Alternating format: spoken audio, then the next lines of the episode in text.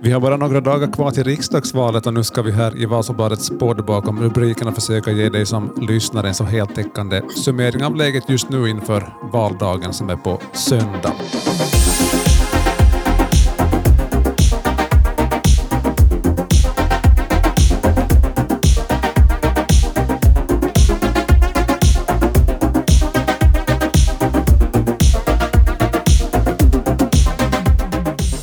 Välkommen till podden får jag säga till Thomas Karv, doktor i statskunskap och universitetslektor vid Mittuniversitetet i Sundsvall. Stort tack och kul att att få vara med och prata om ett så här intressant tema och intressant val. Syns det någonting, i, jag vet att du sitter i Sundsvall i Sverige nu, just nu då vi bandar in, syns det något i Sverige att det är riksdagsval i Finland eller har man så att säga fullt upp med sitt? Jag känns ju nog som att svenskarna har fått upp med sitt, ja. än så länge i alla fall. Men jag misstänker nog att när, när det nu är en vecka kvar till valet att de ska börja vakna till här också kanske. Det är lite intresserade i alla fall. Precis. För så generellt så är nog som Finland varit mer i, mer, i, mer i fokus här i Sverige de senaste åren, kanske tidigare år, mycket, mycket tack vare den här NATO-processen och sånt som har väckt ett intresse av Finland. Det har man ju nog så märkt att mm folk här är nog intresserade av vad som händer i Finland och finsk politik mer än tidigare. Så eh, en positiv utveckling där, absolut. Det är måndag då vi bandar in den här podden och förhandsröstningen pågår som bäst. Själva valdagen då är bara några dagar bort. Om det här skulle vara en jaktstart i längdskidåkning, vem skulle få starta först så som läget är nu och därmed då ha ett visst försprång då då startskottet går. En fin liknelse där. Och jag skulle säga att Samlingspartiet skulle vara de som startar först med kanske en, två sekunders försprång till ja. Sannfinländarna och sossarna som startar helt jämnt samtidigt. Så inte på något vis ointagbart heller? Långt ifrån. Alltså, försprånget är nog intaget redan före de kom ut ur stadion. Ja, precis. Och det är också på stadion som det avgörs antagligen. Så är det, att det här kommer nog vara på sista metrarna. Det är nog det är spurten som avgör det här och mycket kan ännu hända. Ja. Går det att förklara och sätta i något slags perspektiv varför de här tre partierna är så jämnstarka just nu? Ja, det är förstås en bra fråga.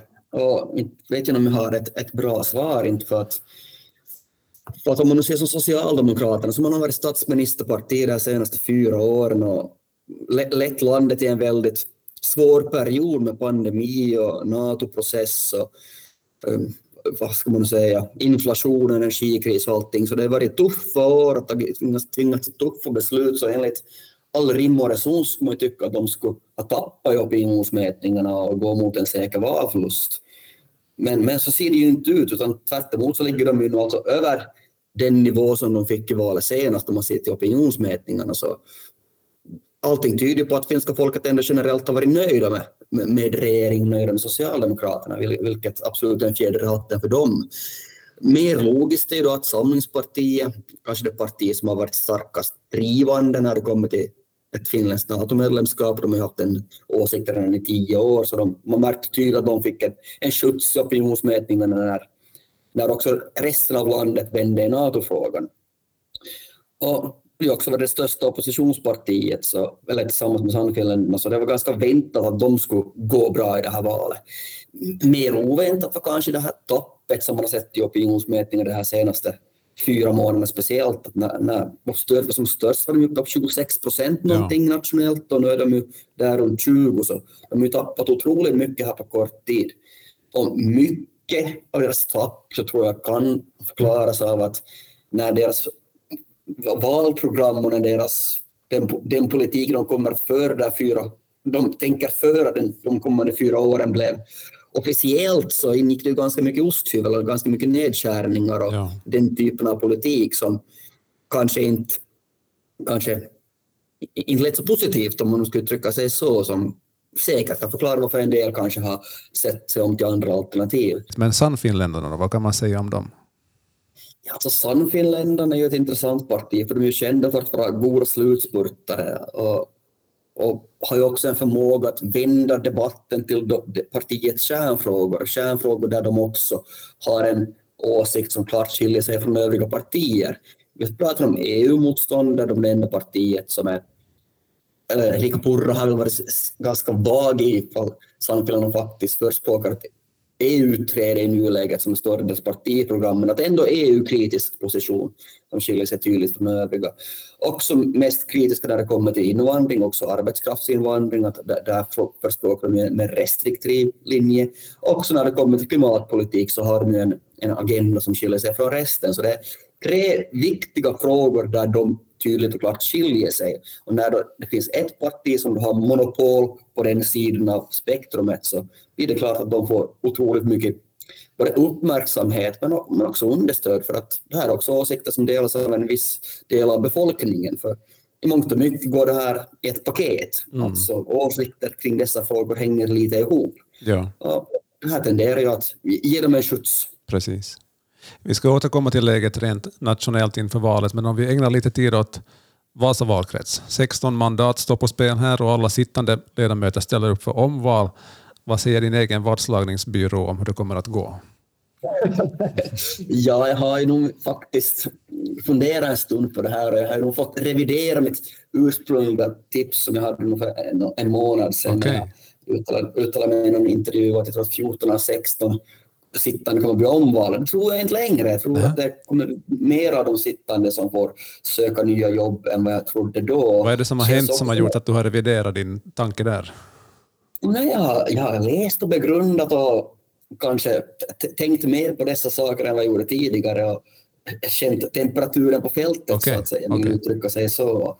För en månad sedan tyckte jag att valet i Vasa valkrets var ganska ljummet. Ja. Jag tyckte att det var inte så spännande som jag tycker nu för tillfället känns det som att det är otroligt spännande i Vasa valkrets och inom alla partier finns det, finns det saker att lyfta upp som jag tycker är spännande. Mm. Så vi, vi kan fast gå igenom parti för parti. Det kan vi göra, absolut. Får man lägga, lägga ut texten. Om vi nu börjar med Svenska folkpartiet, det största partiet i Vasa valkrets i senaste val. Mm. Så sitter för tillfället då fyra mandat. Henriksson, Strand, Ollikainen och Norrback. Och det mesta tyder väl på att du också kommer sitta på fyra mandat efter valet.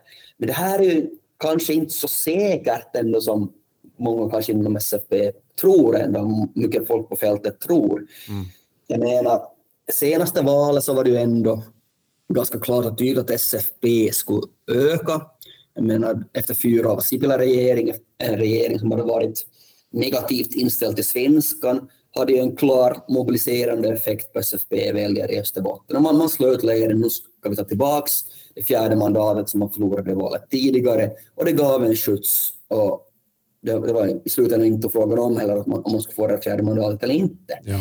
Nu har vi däremot en situation där SFP har suttit i en regering, man har suttit i en, en vänsterregering, med förstås två borgerliga partier också, men en rödgrön regering som har haft en tydlig vänsterpolitik.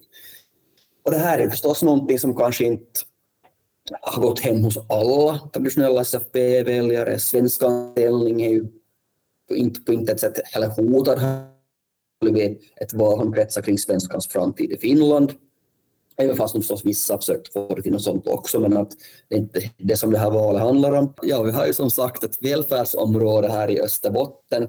Eller Vasa valkrets består av tre olika välfärdsområden, varav ett av dessa styr SFP. Och väldigt få har fått en positiv bild av välfärdsområdet. Det har varit lite kaos med, med köer och löneutbetalningar och så vidare, och så vidare vilket har gjort att, att en del kanske har varit lika med tecken mellan SFP och välfärdsområdet och därigenom fått kanske en lite mer negativ bild av SFP. Eller, mm. Förstås, det här är ju bara spekulativt, men så, sånt kan absolut inverka.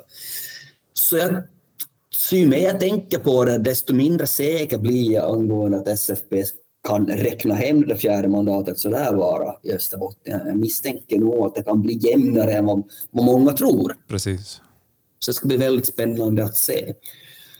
Och ser man på de själva kandidaterna som har en möjlighet till inval så räknar jag nog helt klart med att Henriksson och Strand båda två kan räkna med omval. Ja. All, allt annat skulle nog vara en otrolig skräll. Mm. Men då blir det här mer spännande det tredje och fjärde mandatet som jag sett att många, både inom SFP och bland journalister, bland så kallade sakkunniga har sagt att det kommer bli otroligt jämnt mellan Ollikainen, Norrback och Ingo. Mm. Ollikainen Norrback sittande Ingo utmanare, fullmäktigeordförande i Korsholm, gör nu sitt tredje riksdagsval, tidigare ordförande för Svensk Ungdom och håller en hög profil under en längre period. Mm. Och många lyfter upp honom som en, en seriös utmanare och det tror jag också. Ja. Jag, jag tror absolut han har en chans att knipa tredje eller fjärde mandatet bland SFP. Så det blir otroligt, otroligt spännande och jag misstänker att det kan, av, det kan skilja några hundra röster mellan dessa tre kandidater i slutändan. Mm. För om man nu ser på, om man riktigt går in på, på kommunnivå här, som jag faktiskt gjorde igår, det är att kolla lite var Ollikainen och Norrback fick rösta här senast, så såg vi att till exempel Ollikainen drog otroligt mycket röster i Vörå. Mm. Fick ju typ 1200 röster i Vörå, den kommun där han tidigare var- varit kommundirektör. Nu ställer ju Vörå upp med Raine Bystedt, Ja. en, en kandidat som drog över 1000 röster i välfärdsområdesvalet, väldigt populär politiker där på hemmaplan, som säkert kommer knipa en del av Ollikainens röster i Vörå. Eh, Ollikainen drog också 2000 röster i Korsholm senast, alltså Ingos hemkommun. Jag misstänker säkert att Ingo kommer att knipa, knipa en stor del av dessa röster. Mm. Därifrån så, och fast Ollikainen med marginal blev invald senast, han drog nästan 8000 röster, så tror jag nog de flesta räknar med att han kommer att tappa nu, men frågan är hur mycket kommer han att tappa? Precis. Ja, Lutar du mera mot tre platser än fyra? Men jag lutar nog åt fyra. Ja. Det, det gör jag nog absolut, men jag tror att marginalen kommer bli kanske lägre än vad folk Mm. förväntar sig. Jag ser det som omöjligt att det där fjärde mandatet faktiskt ska, ska fara på nytt. Ja. Jag tror inte, men jag ser det absolut inte som en omöjlighet, så man ska inte ta det för givet. Nej, precis. Men ja, Ollikainen, så han kommer tappa, hur mycket kommer han tappa? Norrback, samma sak, han, han drar ju, han är tydligt Sydösterbottens SFP-kandidat. Jag, kollar på, på valresultat från Närpes senaste riksdagsvalet, där, där drog han två tredjedelar av alla SFPs röster Ja. i- mot i Norrback, det var nästan 4 000 röster han drog där. Så det är ju tydligt, också en stor andel av rösterna i Kristinestad, också en stor andel av rösterna i Kaskö, fast de inte var så många. Medan då Korsnäs var ganska jämnt och jämnt delat mellan Norrback och Ollikainen. Mm. Så jag tror Norrback har så mycket möjligheter att ta mycket mer röster. Jag tror Norrback kommer ganska hålla ställningarna där runt 6 000 röster precis som senast. Och den stora frågan då, ska, ska Ingo nå upp till där Ja. runt 6 000 röster? Ja. Och det blir otroligt spännande att se. Så de flesta, och jag, inklusive jag, tror att det kommer stå mellan dessa tre. Men jag, jag vågar inte uttala mig om hur slutställningen blir, men jag tror det blir jämnt. Mm. Ja, på övriga kandidater bland SFP så finns det förstås Horisont som gjorde ett bra val senast, gjorde ett också bra välfärdsområdesval som säkert kommer dra, vad ska jag tippa där, runt, jag vet, över 3000 röster, nå- Mm. någonting. Vi har Johanna Holmeng, också gjorde ett bra välfärdsområdesval från Pedersöre, fullmäktigeordförande där, som säkert också kommer göra ett bra val, dra någonting liknande. Mm. Vi har Steven Frostdahl som stä- ställde upp och ställt upp för Socialdemokraterna några val från Nykarleby. Ja. Han började till SFP inför kommunalvalet här senast. Eh, Och han drog ju som 2015 som socialdemokratisk kandidat nästan 3000 röster som sosse Mm.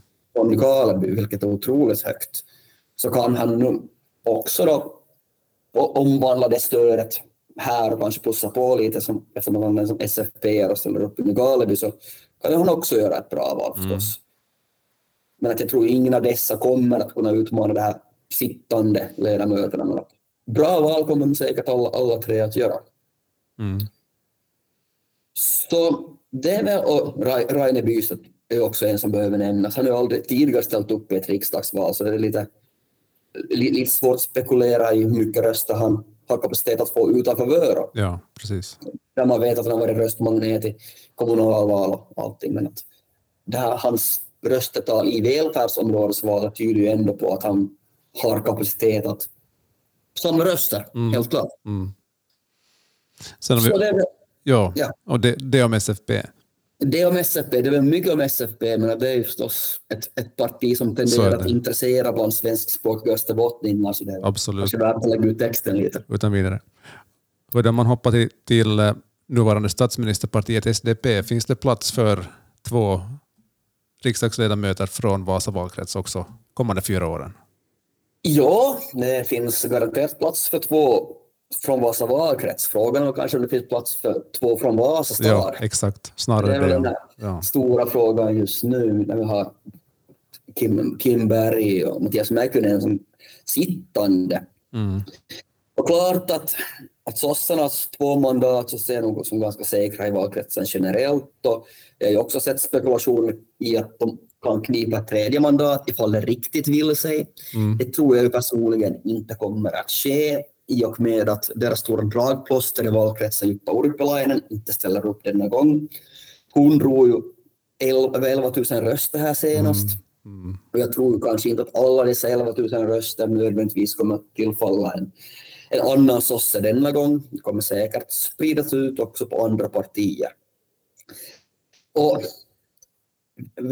vem som ska ta de här mandaten, ja, Kim Berg var ju överlägset tog överlägset mer röst- röster än Mäkynen här senast. Hon Mm. tog väl typ nästan 4 000 röster fler. Och Mäkynen fick ju som, blev suppleant och slapp in i riksdagen när Jutta for till EU, blev EU-kommissionär.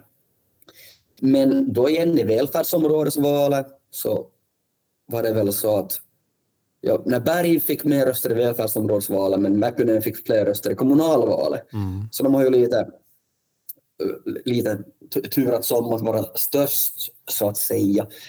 Men då har ju Mäkinen haft en mycket, mycket, mer, mycket, mer synlighet sen han kom in i riksdagen än vad Berg har haft. Ja. Det kan väl de flesta skriva under på. Att Mm. Partiet har ju placerat, placerat Mäkinen som talesperson för många av Socialdemokraternas positioner, speciellt när det kommer till so- social och hälsovårdsfrågor och, och den typen av frågor. Så Ja. han har fått mycket synlighet, och, vilket säkert kommer ge honom en skjuts. Så jag tror väl nog att båda har goda chanser att bli omvalda. De utmanas ju först och främst då kanske Tina Isotalus Mm. från Kokkola som säkert kommer plocka en stor del av Juttas röster där. Alltså hon är ju sittande fullmäktigeordförande i, i Karleby som det som förstås heter. Gjorde också ett bra välfärdsområdesval, blev röstmagnet bland sossarna där. Röstmagnet också i senaste kommunalvalet i Karleby. Också tidigare kampanjchef för Jutta i riksdagsval. En ganska tydlig offentlig profil och mycket, offent, mycket synlighet i den delen av val, valkretsen. Så hon kommer säkert plocka röster. Frågan är ifall hon faktiskt lyckas utmana någon av de sittande. Det kan bli jämnt, men jag, jag, jag vågar inte tippa hur det ska gå just på den fronten. Mm. Så har vi också Maria Tolppanen som tidigare suttit i riksdagen för Sannfinländarna som nu ställer upp för Socialdemokraterna som säkert också kommer plocka en del röster men jag tror däremot inte att hon kommer att ut, utmana om ett mandat. Det tror jag inte. Och därtill har vi också tre stycken finlandssvenska socialdemokrater som ställer upp den här gången. Det här vanliga är ju att, att finlandssvenska ställer upp med två. Men nu har de faktiskt fått, fått tre, vilket, vilket förstås är positivt och också kanske signalerar att, att Socialdemokraterna ser möjligheter att plocka svenska röster i Finland. Kanske rida på den här Sanna Marin popularitetsvågen och, och Mm. därför väljer att ta ännu en svenskspråkig kandidat för att göra en extra insats bland svenskspråkiga. Så tolkar jag det i alla fall.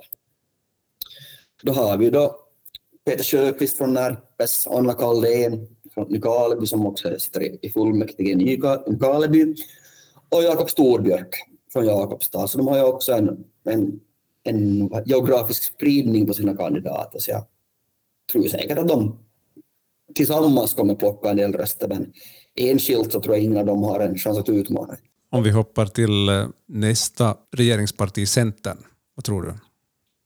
Oj, oj, Centern, det är nog ett parti som är intressant att följa med just nu. Ja. Alltså, jag skrattar ju med det här och orsaken till att jag skrattar så har ju förstås mycket att göra med det här Mikael Lintilä. ja. Ja, och all, all, alla rubriker kring han, alla hans Wha- WhatsApp-meddelanden och påstådda alkoholproblem och, och liknande. Och Mm. det är ju förstås ingenting att skratta åt, men det, det, det visar ändå hur pass, hur pass jämnt och infekterat och stressat läget är inom partiet generellt och inom Vasa valkrets specifikt. För det här är ju som uppgifter som lite har läckts, speciellt när det kommer till det här WhatsApp-meddelandet, så det är ju partikollegor som har läckt uppgifterna till, till pressen för att de får sätta honom i en negativ dager. Mm. Ja. Och det är ju det är otroligt, otroligt jämnt i Vasavaakras mellan de fyra sittande Mm. center, center, centerledamöterna, varav tre stycken också har suttit som ministrar. Mm. Och den fjärde faktiskt var den som plockade flest röster i, i förra valet, Pasi Kivisaari från, Precis. från Seinäjoki. Och därtill har vi också två för detta, för detta riksdagsledamöter som den här gången ställer upp på nytt för att igen försöka få ett mandat, Paula Siht och Lasse Hautala. Och speciellt Hautala har ju otroligt goda chanser att, att faktiskt nu bli invald. Har jag, har jag hört från Centerhåll och han gjorde ju också ett otroligt bra välfärdsområdesval här senast i södra Österbotten. Så det blir otroligt, otroligt jämnt. Och det mesta tyder ju också på att Centern kommer, kommer att tappa ett mandat i Vasa valkrets. Ja. De fick ju fem mandat 2015, fyra mandat 2019. Det tyder väl det mesta på att de kommer att tappa ett mandat ifall man ska se på de här nationella opinionsmätningarna. Mm. Och då när vi har tre mandat och vi har otroligt starkt startfält så det kommer nog bli blodigt och det kommer nog bli få röster som också avgör där vem som tar dessa mandat. Ja. Samtidigt, i och med att de har så här starkt startfält just i Vasa valkrets, så kan ju det här också göra att de överpresterar just här i valkretsen. Ja. Men som sagt, tre, sittande, tre som har varit ministrar och tre annars väldigt, offentlig, väldigt, väldigt bra kandidater från ur centerperspektiv. Så det här kan ju pusha upp deras röstetal, så de kanske där, därmed kniper det fjärde mandatet ännu en gång. Ja. Men det, det, jag, jag tror inte det. Jag tror de kommer tappa. Men jag ser det som, som omöjligt att de ska ta ett fjärde igen. Men om jag ska skriva ner tre namn här på Centerns rad, vad ska jag skriva då? Jag tror Pasi Kivisaari Ja. kommer nog bli omvald. Jag kan inte säga att han inte skulle bli omvald. Sen tror jag nog Mikko Savola också blir omvald och så tror jag Lasse Hautala ta- tar kniper tredje mandatet. Så det skulle då innebära att Antti Kurvinen och Mika Lintilä då får söka nya jobb. Mm. Precis. Antti, Kurvinen har ju på det sättet en, knä, en knäbeställning i och med att han är från Kauhava. Kauhava har ju också en till riksdagsledamot, Janne Sankila från Samlingspartiet, vilket gör att det är två starka kandidater från samma kommun som inte är så stor, som tävlar om samma röster. Ja. Och när det blir ett så här jämnt läge så kan det vara en faktor som avgör.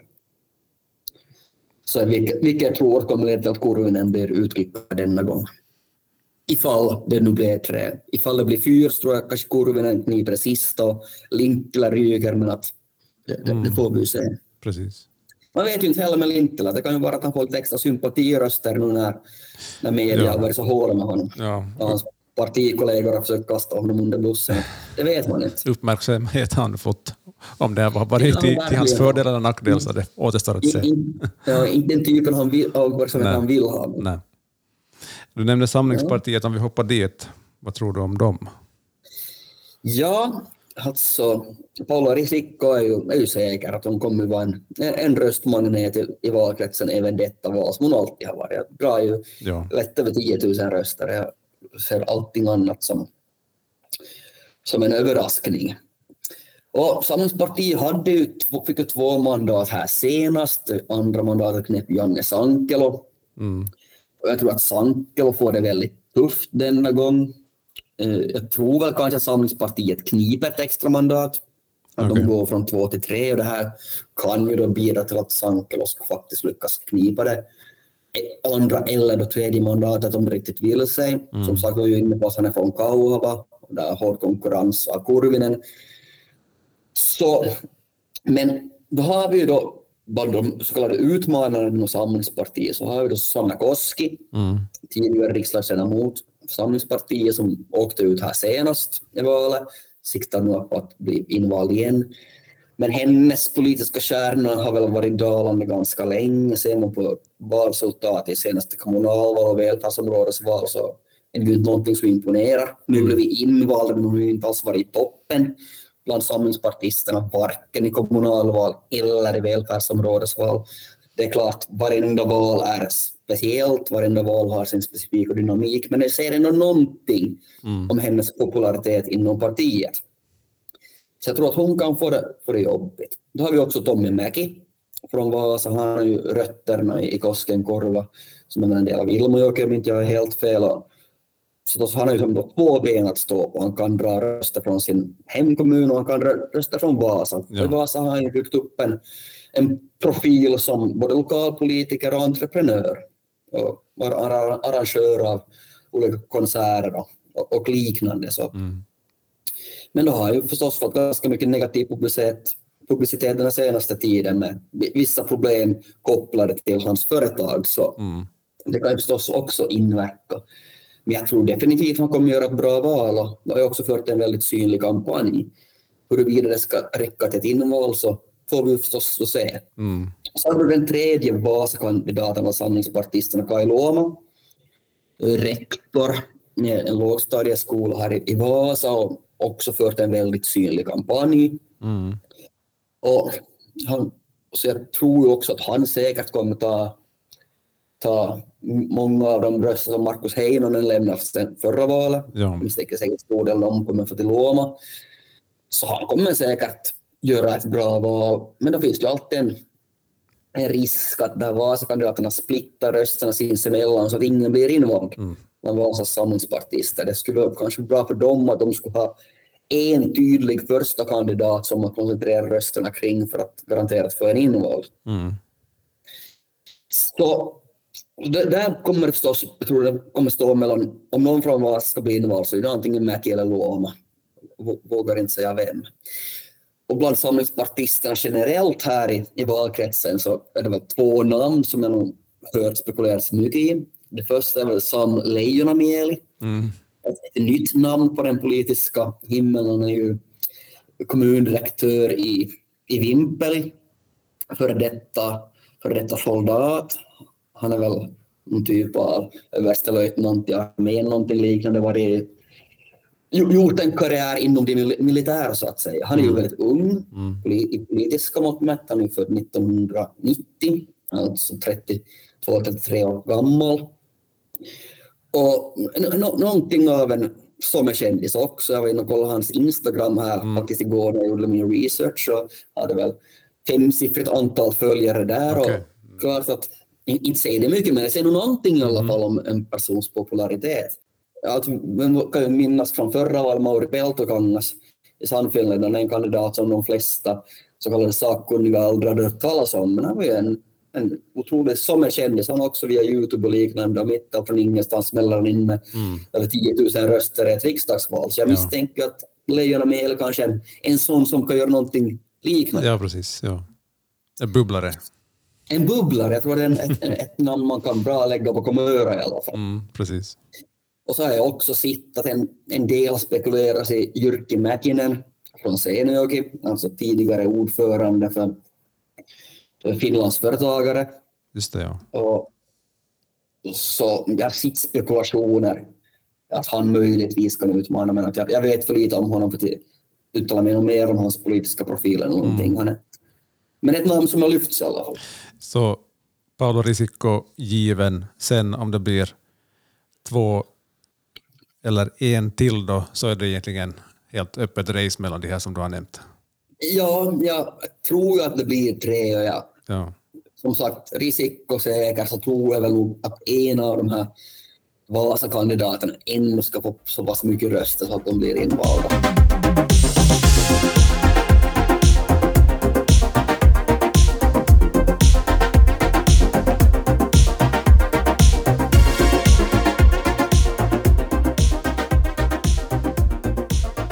Hoppar över till Sannfinländarna. Mm.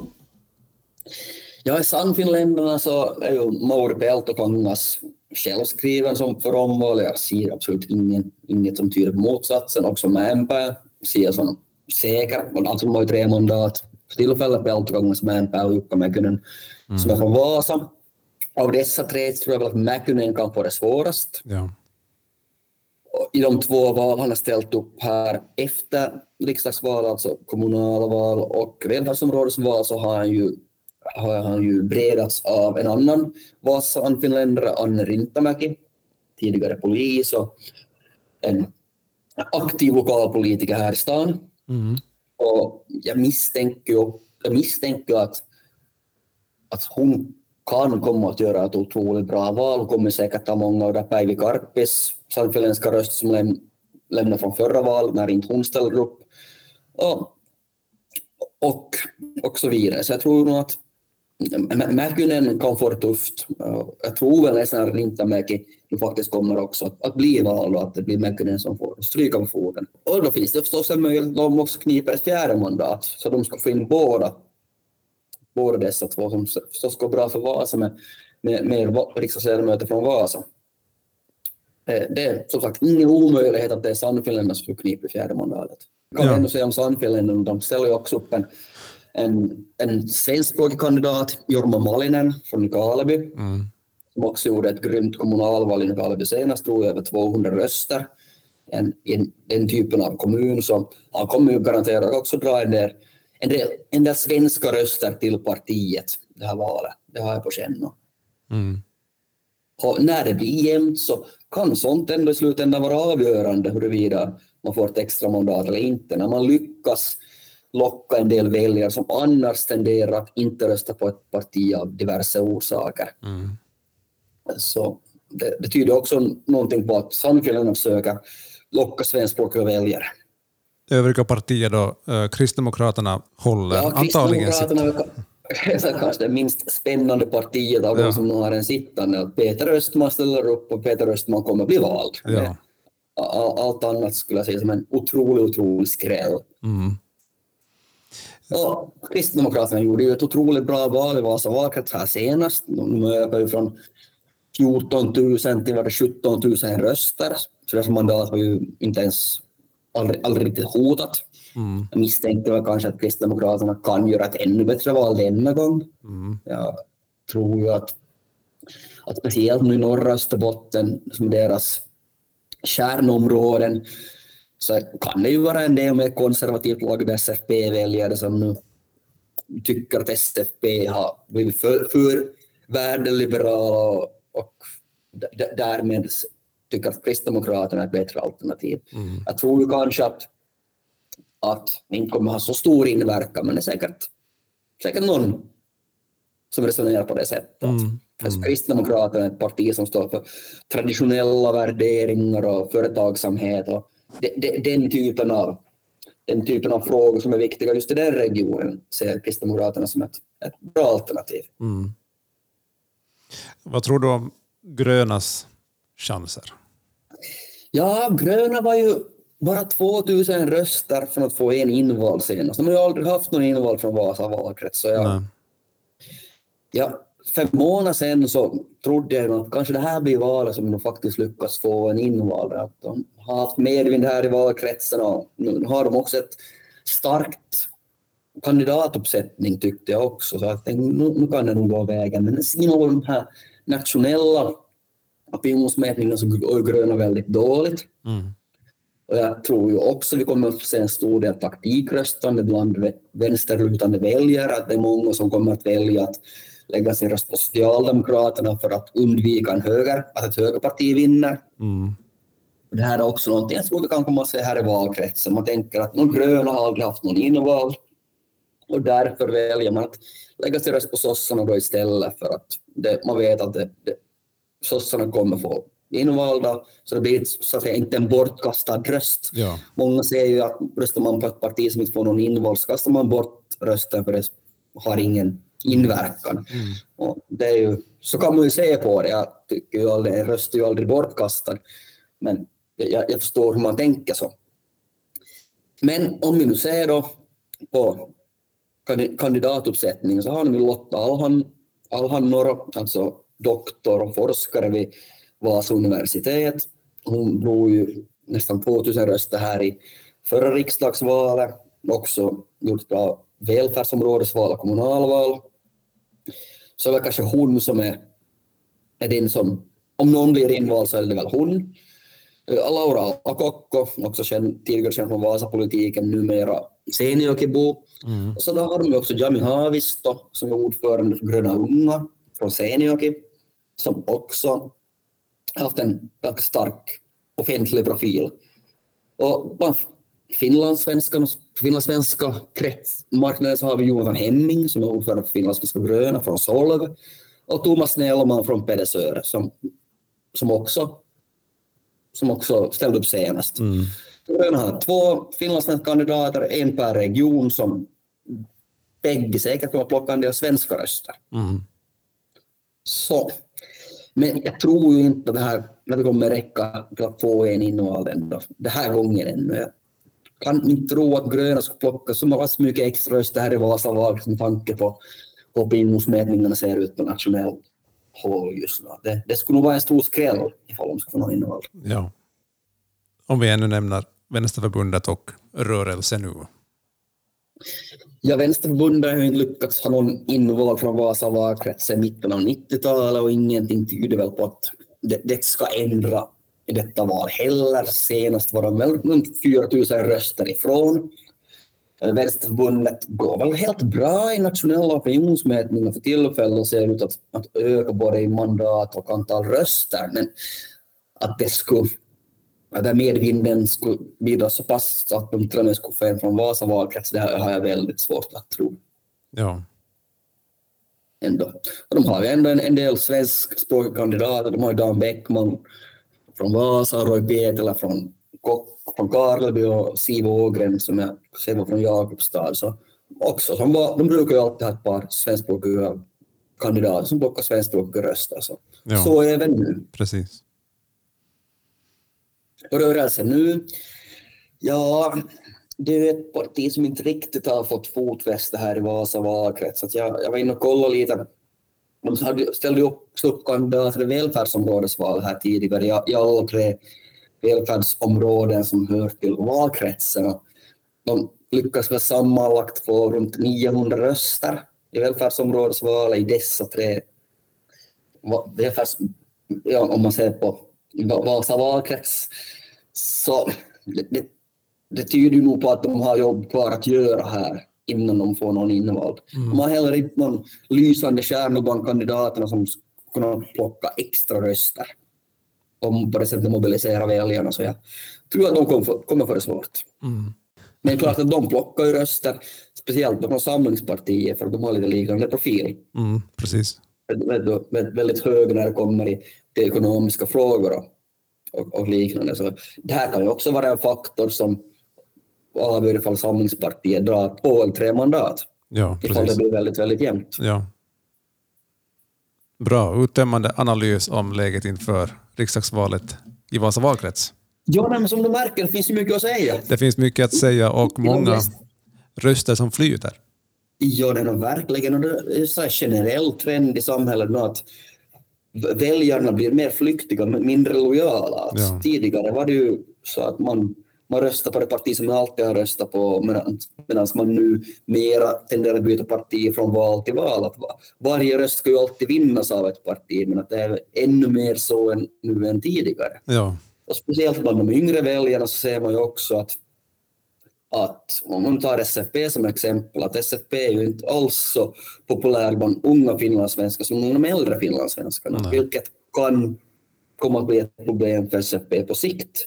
Där de inte kan ta för givet att två tredjedelar av de svensktalande röstar SFP, mm. som tidigare alltid har varit. Det är inte alls någon säkerhet att det alltid kommer att vara så i framtiden. Mm. Och mycket tyder på att bland unga finlandssvenskar så byter man mycket, mycket mer än de äldre. Mm. Så det blir, ja, det blir spännande in i, in till, in till valdagen det här. Ja, om vi ännu tar, innan vi avslutar det, en liten blick ännu på det, på det nationella läget, så har ju då som sagt de senaste opinionsundersökningarna visat att det är otroligt jämnt mellan SDP, Sannfinländarna och Samlingspartiet. Eh, din sista analys här nu före valdagen, vem ser du som den starkaste kandidaten till att bli valets vinnare och varför? Alltså lä, lägg pistol mot huvudet och frå, fråga vem som vinner valet så säger Samlingspartiet. för att de har läckt opinionsmätningar konstant under två års tid. Och ja. jag, jag, tror att, att, de inte, att de nog inte tappat så mycket så att valsegern ändå skulle fara. Men samtidigt så jag ser det lite som ett dött lopp.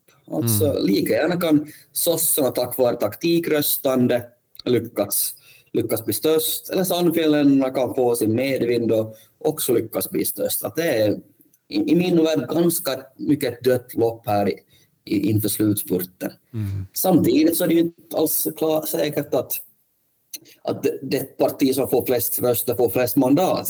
Det här kommer att avgöras de olika valkretsarna.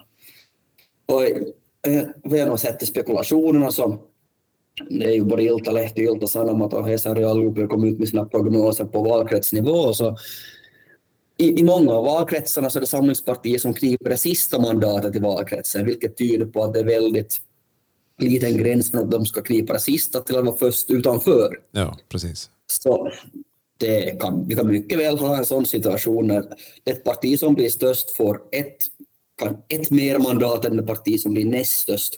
Och det som parti som blir näst störst är det parti som fått flest röster nationellt. Mm. Mm. Det kan mycket väl bli, bli så. Men Samlingspartiet tror jag ju att vi kan då bli, bli störst, men de måste välja något. Och de kommer ju också gynnas av att vi har vi har ju mandatfördelningen i landet har ju lite förändrats. Alltså Helsingfors har fått ett extra mandat, Nyland har fått ett extra mandat, Tammerfors har fått ett extra mandat. Ja. Alltså valkretsar där Samlingspartiet traditionellt har varit starka. Ja. Och då har vi ju farit från valkretsar, där vi Lappland och sydöstra Finland har varit från det nordfarit mandat också. Alltså valkretsar där Samlingspartiet traditionellt inte har varit starka. Okay. Mm. Så det här är också en faktor som kan prata till deras fördel. Att mandaten för till valkretsar där de är starka. Precis. Så det, det är många faktorer att ta i beaktande när man, när man ska göra en helhetsanalys. ja, om man då skulle ta dem parti för parti, det här uh, Samlingspartiet, säg, säg att Samlingspartiet skulle bli valets vinnare, hur skulle en regeringskoalition se ut med, med dem som vinnare? No, jag tror ju att ifall Samlingspartiet eller Sannfinländarna vinner så kommer vi få en, en jag tror regeringsbildningen blir lättare ja. ifall vi, någon, någon av högerpartierna vinner. För då tar jag det som givet att de kommer finna varandra. Det är klart att det finns, finns ju vissa frågor där de är oense, speciellt när det kommer till finnas EU-politik, invandring och klimatpolitik. Ja. Men jag tror inte någon av dessa ändå är så pass kärnfrågor för Sannfinländarna så att de inte skulle kunna komma överens mm. i alla fall kompromissa. Jag tycker både från samlingspartistiskt håll och sannfinländskt håll så är man ändå mellan raderna kunnat lösa det. det. Det går att tumma på vissa principer ja. för, för att komma överens helt enkelt. Så de två kommer då utgöra grunden i en högerregering och tillsammans så kan ju de få vad ska man säga, 40 procent av mandaten. Mm. Någonting sånt. Vilket betyder att de, för att få ihop en minoritetsregering, kommer behöva ett till stort parti. Jag tror att det partiet då ska bli Centern. Mm. Centern har ju öppet sagt att de inte kommer sitta med i en regering med samma, samma uppsättning partier som nu efter valet. Mm. De är helt enkelt långt ifrån varandra. Men jag tror att ifall de blir inbjudna att bilda en ren högerregering så är de mycket mer pigga att igen sitta i en sån regering. Mm. Så jag tror ju att det kan bli hårda förhandlingar där, men att jag ser det absolut inte som omöjligt, utan faktiskt som troligt att Centern då ska gå med i en, en sån högerregering. Men då är det frågan om valmatematik. Det finns också en möjlighet att Centern får under 10 procent av mandaten och gör ett riktigt katastrofval, vilket betyder att de ska också måste plussa på med andra partier för att få en, ihop en majoritetsregering. Och då ser jag väl närmast som att KD blir det parti som bjuds in, lite beroende på hur många mandat de lyckas få. Och kanske också rörelse nu. Mm. Lite beroende på också hur många mandat de lyckas få. De har ju, har ju ett mandat i nuläget. Men genom ett superval så har de ju tre mandat. Ja. De kan knipa ett extra Nyland, de kan knipa ett i Helsingfors. Mm. Och då blir de igen, någon typ av vågmästare roll kan de få. Mm. Så mycket möjligt så bjuds både KD och rörelse nu in i en högerregering så har vi de fem högerpartierna som bildar en högerregering minus då SFP som då skulle lämna, på, lämna åt sidan om. Ja. Jag tror ju inte att, att Sannfinländarna vill ha med SFP i en regering, för jag tror ju att i, den där uppsättningen partier så skulle SFP kanske bli ett parti som skulle bråka mest. Ja. just när SFPs åsikter i EU-frågor, invandringsfrågor, miljöpolitik och liknande skiljer sig ganska, ganska mycket mm. från Sannfinländarna. Så jag, jag, tror att de gärna ser, ser, ser en högerregering utan SFP. Ja. Medan alltså Samlingspartiet då gärna skulle ta med SFP. Så. Ja, precis. Och om det skulle gå så då, som vi har varit inne på, att SDP ändå skulle visa sig bli det, det starkaste, eller vinna, vinna det här riksdagsvalet? Ja, alltså vinner SDP så blir det på många sätt mer spännande för det blir mycket, mycket svårare att få ihop en välfungerande regering. Att ja. vi, vi kommer ju inte som sagt, om vi nu ska tro Centern, jag menar det man säger före val, man säger efter val när man börjar förhandla i ja. olika saker, så det är klart att Centern kan ändra sig igen. Men jag tror inte att, att Centern skulle gå med i den, en liknande regering. Och det skulle krävas för att vänstersidan skulle kunna få en majoritet. Jag menar, om vi räknar med att gröna och vänstern, SFP, skulle gå med i en sosseregering så krävs det något ytterligare parti för att få en majoritet. Mm. Så jag tror ju att ifall Socialdemokraterna skulle bli störst så skulle de försöka få, få in någon typ av överenskommelse med Samlingspartiet när det kommer till ekonomiska frågor, den typen av frågor där de är längst ifrån varandra, ja. gå fram till en kompromiss. Och det tror jag inte alls är omöjligt, fast det skulle bli svårt.